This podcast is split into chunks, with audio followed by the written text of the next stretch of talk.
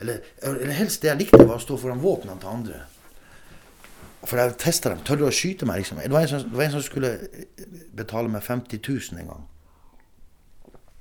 Og han lever faktisk. Han, han, er litt Jeg kan ikke si navnet hans, men han er litt Jeg ser han ofte i avisen på forskjellige ting. da.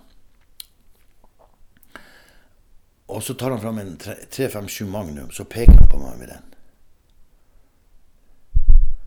Og så har han også de 50 000, da. Ja, så sier jeg til han Er du klar over hvilken våpen du holder, sier han. Den 357 Magnum, du deler meg i to hvis du skyter meg med den. Så tok jeg den bare fra han og klappa den i hodet på han. Ja. Så han, turte ikke å skyte, for jeg, jeg, var ikke redd for å dø. Og så tok jeg bare pengene ut av innerlomma hans, husker jeg. Og så tok jeg faktisk våpenet. Så jeg fikk jo, jeg fikk jo, bet, jeg fikk jo betalt for det også. For det. Altså sånn, sånn jeg, hadde, jeg, jeg var ikke redd for å dø.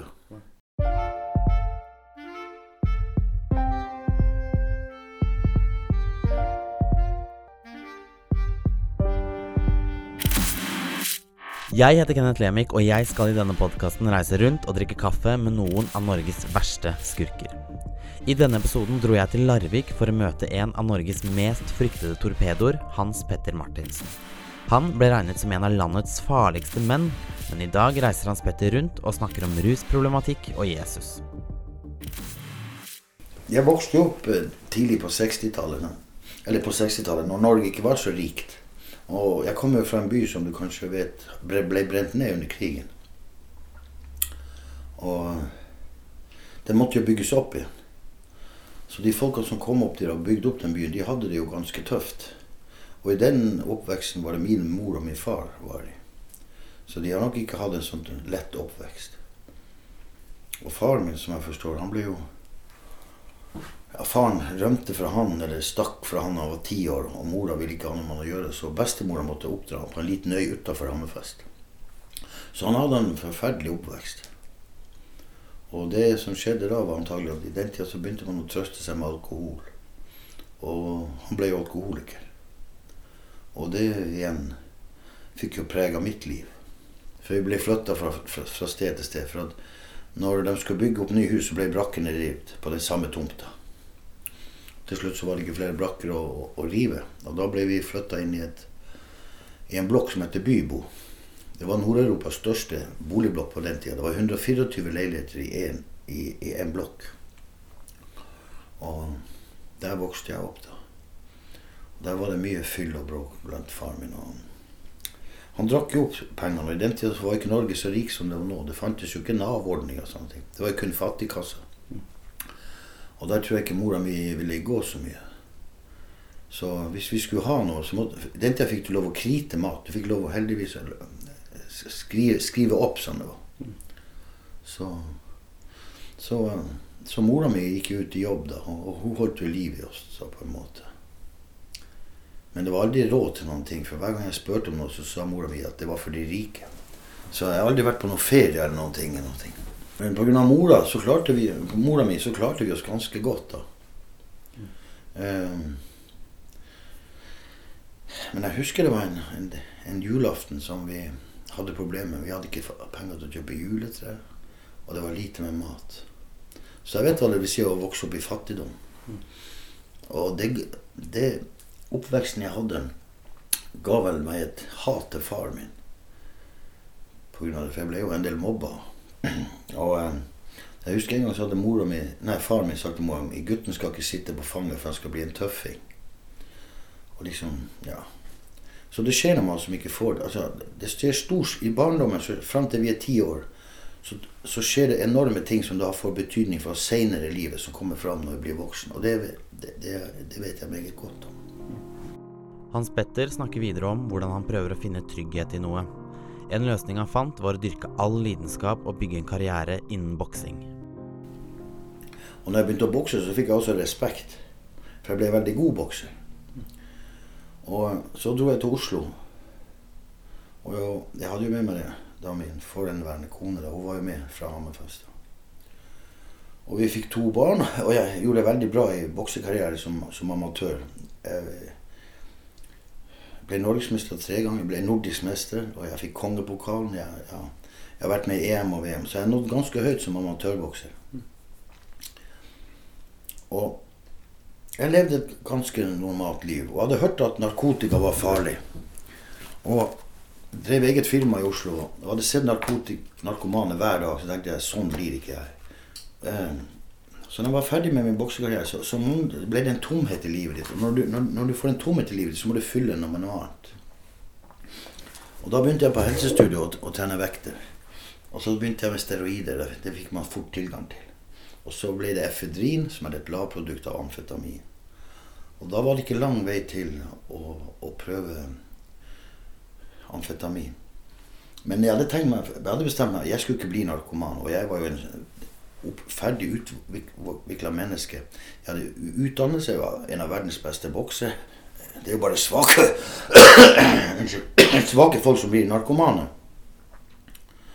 Og eh, men der kan man se hvor feil du tar. For den gifta der, den er den farligste gifta som fins når du tar den inn i deg. Og når jeg prøvde det, så var jeg 30 år. Og det, det jeg hadde gjort først på kvelden, det var å drikke meg full. Og der sto jeg på do i Oslo. Så kommer det inn en kar. Så tar han fram en hvit pose. Og så putter han fingeren ned i den, så gnikker han på tennene. Og så ser jeg at han, han bare rykker bak og sier Jeg ser at han, han Wow! sier han. 'Dette er fantastisk', sier han. Så spør han meg 'Skal du ha?' Ha narkotika. Og så står jeg der full og sjangler. Jeg sier han. 'Du kan prøve en gang. Det går fint', sier han. Det er den største løgn som fins. Når du først har prøvd det, så vet kroppen hvor godt det er. For det, narkotika er jo fantastisk godt hvis du får en høy rus på det. Og da vet kroppen om det. Da, da er det for seint. For da, når kroppen vet hvor mye dopamin du kan utløse ved å ta et sånt pulver, så gjør den hva som helst for å prøve det en gang til og en gang til. Og jeg tenkte, og jeg tok det. Og jeg sov jo ikke på to dager. Jeg husker jeg gikk ut, og så sloss jo jeg og knakk fingeren. Jeg brydde meg ikke. Du blir som en konge, sa han, og det og det ble jeg jo. Men den lange nedturen jeg hadde to dager etterpå, den var fæl. Men så tenkte jeg dette her skal jeg bare bruke én gang i måneden, for det var så godt. Dette må jeg tillate meg. Og for hvis jeg bare bruker det én gang i måneden, så blir ikke jeg narkoman. Derfor er det når vi tar, prøver narkotika, så inntar vi noe som jeg mener at vi overgir kontrollsenteret vårt i livet til en, til en, annen kraft. Og den har bare én kraft, og det er å ødelegge vårt liv. For vi kan alle se at narkomane ikke har det bra i dag. De narkomane du ser, som er så nedkjørt, de var flotte, fine mennesker når de prøvde det første gang. Og så går det den veien. Alt begynner med i det små og uskyldige, der du har kontrollen. Jeg hadde jo kontrollen lenge. Men den dagen du har kontrollen, det er jo da du har mista det.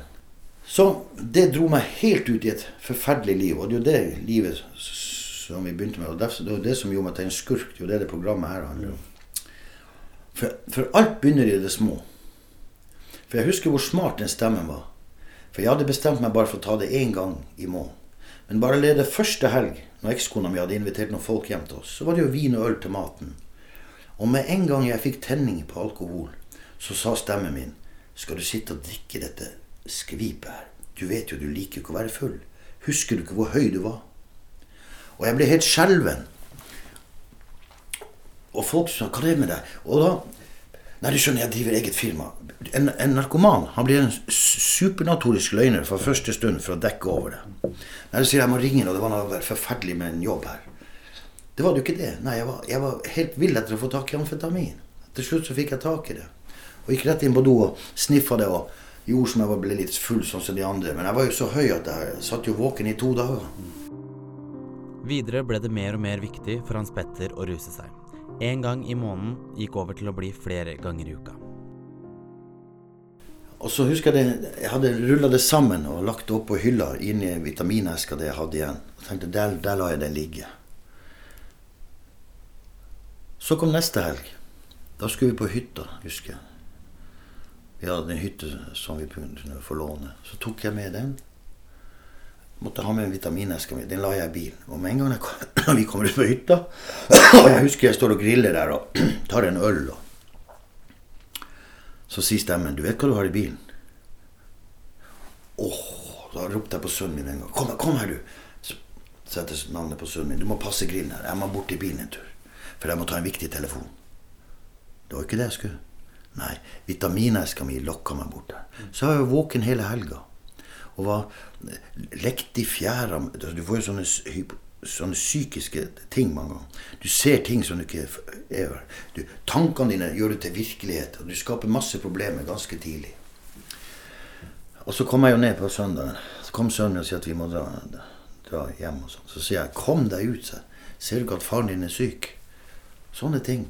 Jeg som var så snill og god når jeg var på stigende rus. Og så, så vi kom oss jo ikke av gårde da. Jeg var jo så dårlig syk.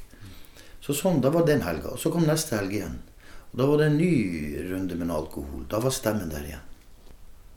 Jeg var 30 år og hørt at narkotika var farlig. Men ingen hadde begrunna det. Hadde jeg visst hva som står i denne boka, her, så hadde jeg aldri tatt det. For det ødela hele mitt liv. Jeg mista alt jeg hadde. Respekten. Jeg mista til slutt firmaet mitt. Familien min måtte rømme fra meg når jeg satt i fengsel. Altså, jeg mista alt. Altså, Narkotika kler deg helt naken og ødelegger deg fullstendig til slutt. Jeg kjenner ingen lykkelige narkomane eller kriminelle. For de fleste fra min tid er døde i dag. Han er tydelig engasjert i tematikken, og vi tar en pause hvor han henter seg et glass med Farris. Hans Petter har altså mista alt han en gang hadde bygd opp av karriere og familie, men snart skulle han starte en ny karriere, nemlig som en av Norges mest fryktede torpedoer. Så jeg begynte da å vanke med kriminelle, og hadde noen kriminelle venner. Og jeg drev jo et et blikkinnslagerfirma. Det var det jeg gjorde. Og så hadde jeg gjort um, jobb for en restauranteier inne i Oslo. På taket hans. Fiksa det og tetta det på restauranten. Det er en ny restaurant som åpna. Ganske populær restaurant. Hadde det seg sånn at han eh, ikke ville be... Altså det, det hjalp ikke hvor mange purringer jeg fikk. Jeg tror det var bare på en jeg tror jobben var på mellom 20 og 30 000. Men han betalte det ikke. Og for en, en, en arbeidsmann så er det ganske mye penger. da. Så, eh, så, jeg tok med meg en jeg kjente som, som drev med litt sånn innkreving. da. Så dro vi hjem til han. Han hadde jo bodde oppe på vestkanten med ei sånn penthouse-leilighet helt øverst i en av disse flotte gårder der. Og, eh, og jeg syntes det var urettferdig at han ikke gadd å betale meg, for jeg, for jeg var en liten kreditor. Og han hadde jo masse sånne store dørvakter som passa på oss. Han var jo restauranteier. Men, men, men, jeg har alltid hatt en rettferdighetssans inni meg. Og hvorfor skulle han kunne stikke fra regninga bare for han hadde store bodyguarder som passa på seg? Så husker jeg at jeg ringte på ja, sa han kameraten hans. Og da kom det noen sånne, ja, sånne body, bodyguarder, holdt jeg på å si. Men jeg bare gikk rett forbi dem. Ja. Så gikk jeg inn og så, så spurte jeg hvorfor ikke han hadde betalt denne regninga si. Jeg har jo gjort jobb for ham. Har du noen grunn til å ikke betale den? Og de dørvaktene de turte ikke å si noe. For jeg så litt rundt på dem og sa har, har du noe imot at han betaler den regninga? Så spør, jeg, spurte jeg en etter bodyguardene deres. Og de var stå rista på hodet, for de var redd. For de visste hvem jeg var. Jeg har vært en bokser og jeg jobbet, har jobba som dørvakt. Så, og altså, så sånn begynte det. Så, så, for da betalte han det. Jeg hadde ikke, hadde ikke utøvd et eneste voldsgrep. Og så da tenkte jeg wow, dette her har jeg jo jeg teften for. Så da begynte jeg å ta litt sånne oppdrag for, for inkassofirmaer og sånn. For jeg lærte meg at vold, det løser ingenting. Det er avstraffelse. Men jeg lærte å spille på den frykten som jeg kunne ha med meg. Så tok jeg på meg noen sånne oppdrag. Jeg gikk og henta disse inkassobrevene. Og så dro jeg ikke hjem til de, de der konkursrytterne, de, de folkene i det grå pengemarkedet. Jeg dro på jobben til dem. I arbeidstiden. Og da kom jeg inn. Og jeg hadde jo en ruvende skikkelse. Noen ganger så pleier jeg å ha med meg også en skikkelse som kommer inn. Og så går jeg bort til som regel jeg spør at, De er som regel sjefer. sant? De er direktører av et eller annet slag. Så spør jeg hvor de er, og så sier noen av de ansatte hvor de sitter. Men jeg tror ikke du kan gå og forstyrre dem. Sier du det, sier jeg. Kan jeg ikke det? Og det bruker jeg meg om. Så går jeg bare rett inn, og så han sitter i et møte eller noe, så tar jeg bare brevet fram og så legger jeg sånn, så sier jeg Stemmer den der? Det innkravet du har der, sier han. Har du fått Skylder du de tingene der? Har du fått de varene der? Ja, hvorfor betaler du ikke det?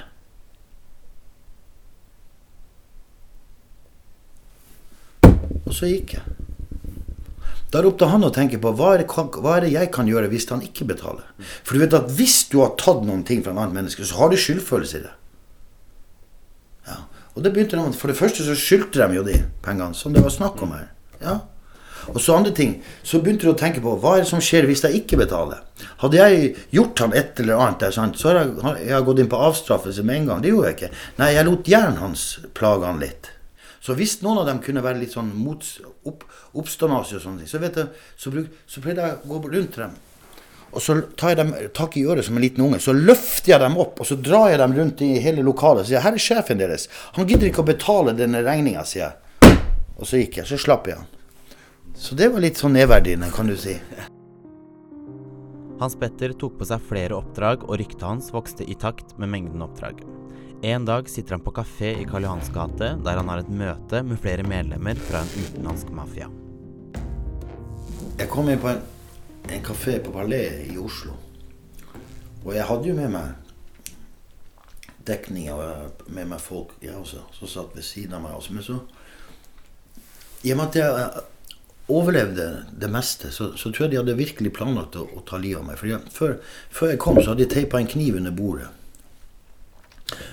Og du og det ble en diskusjon der, en konfrontasjon, og jeg røyser meg opp. Og, og jeg, jeg, jeg, merker ikke det, men, men, det har skjedd noe under bordet før jeg røyser meg opp. For de, han ene klarte å avlede meg, men jeg, men jeg røyste meg opp, og så slo jeg ned begge to. Og så gikk jeg derfra. Men så så jeg blodet. Det spruta ut. Poff, poff, pumpa ut. Og jeg gikk ned ut, og ut på Karl Johan, og der sto blodet og fossa ut. Jeg vet at Det de hadde gjort, de hadde skåret over hovedpulsåra i lysken min. Og da dør du etter ett til to minutter. Og i den tida så var det akkurat to dørvakter i Moss som døde på den måten. Og da er det til slutt lar noen kjøre meg inn på legevakta. Da sitter de to som hadde planlagt å drepe meg, de sitter på legevakta i kø, for de har jo knekt nesen begge to. Ja, De sitter liksom og skal liksom være ofrene. Skjønner du? Så de må ha planlagt det ganske godt. De skulle liksom være offer for meg, så de liksom bare forsvarte seg. Men det var de som høgde kniven i meg først. Og da, da var jeg røyste meg opp og slo. Så Og jeg går jo rett forbi dem, selvfølgelig. Og jeg ble rett inn til legen, og så sydd igjen. Og han legen som sydde meg igjen da, han sa du må ha englevakt. For det fins ikke noen måte på hvordan Det fins ikke noen medisinsk måte hvorfor du skal overleve. Dette var ikke den eneste episoden Hans Petter var nær døden. En dag våknet han opp etter å ha ligget i sin egen leilighet og blødd i to dager. Så våkna jeg til meg sjøl. Når du er i rus og du spiser piller for å komme ned Først så, Når du bruker amfetamin, så går du høyt. Men når nedturen kommer, den er tung. Da hiver du inn på smertestillende piller og sovepiller og alt som du kan for å døyve den nedturen. Og jeg hadde jo hevet inn på sikkert enorme piller.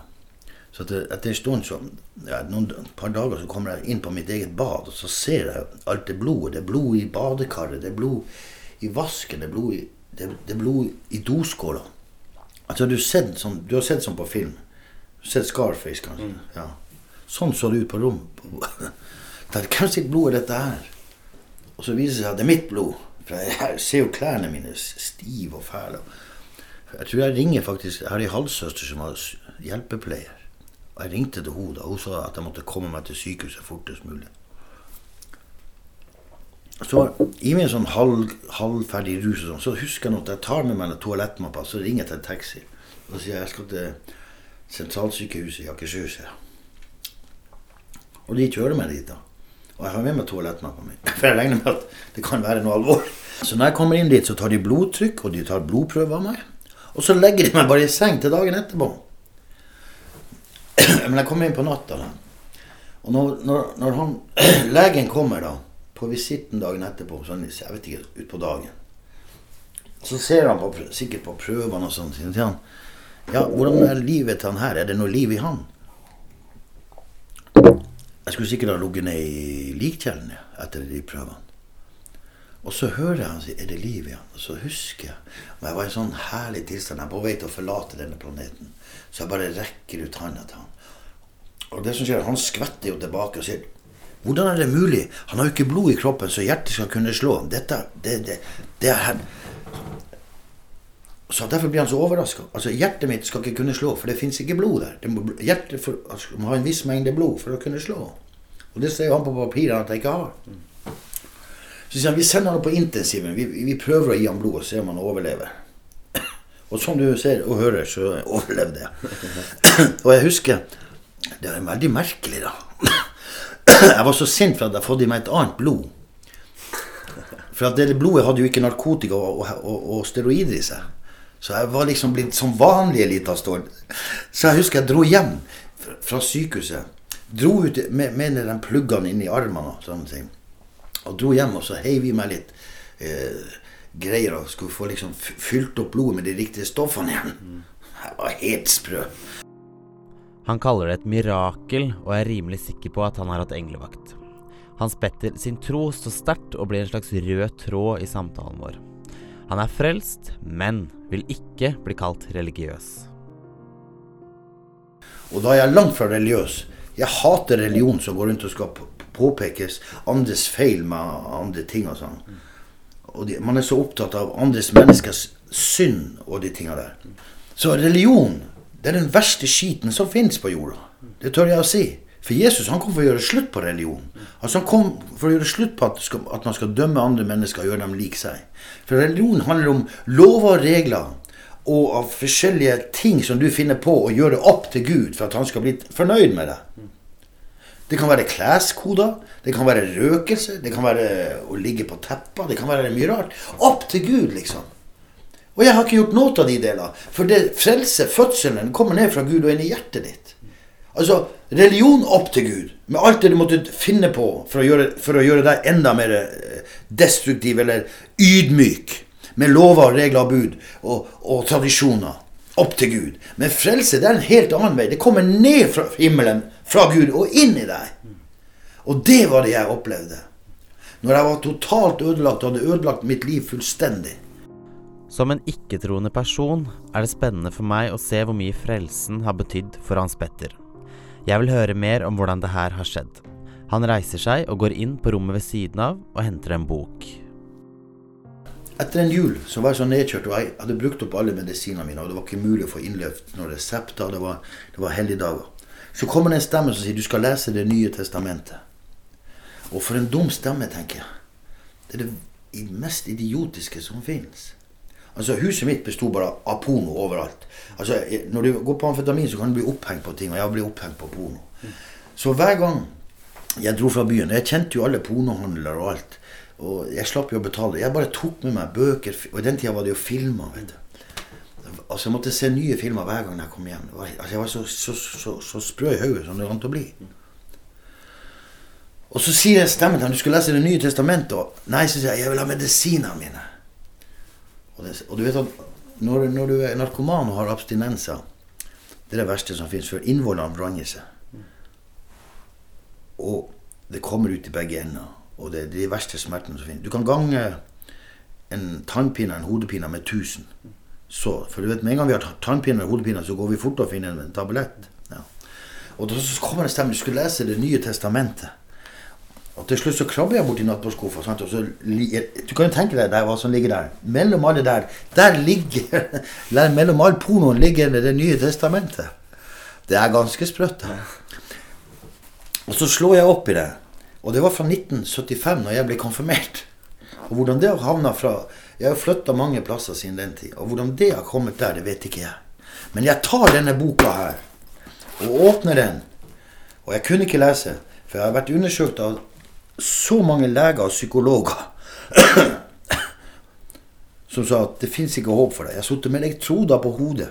For når du bruker narkotika, så ødelegger du kontrollsenteret til resten av kroppen. Altså hjernen din ødelegges. Og vi er ganske dumme. Vi ødelegger kontrollsenteret. Nei, tilbake til denne boka her. Så åpner jeg den opp på Johannes evangeliet. Og så holder jeg den oppe. Jeg vet ikke. Jeg vet ikke, men jeg, jeg hadde ikke sovet på flere dager. Du vet, du kan, hvis du har vært oppe ett døgn, så kan du tenke deg, men du har vært oppe to-tre døgn, så begynner det å skje noe oppi hodet ditt.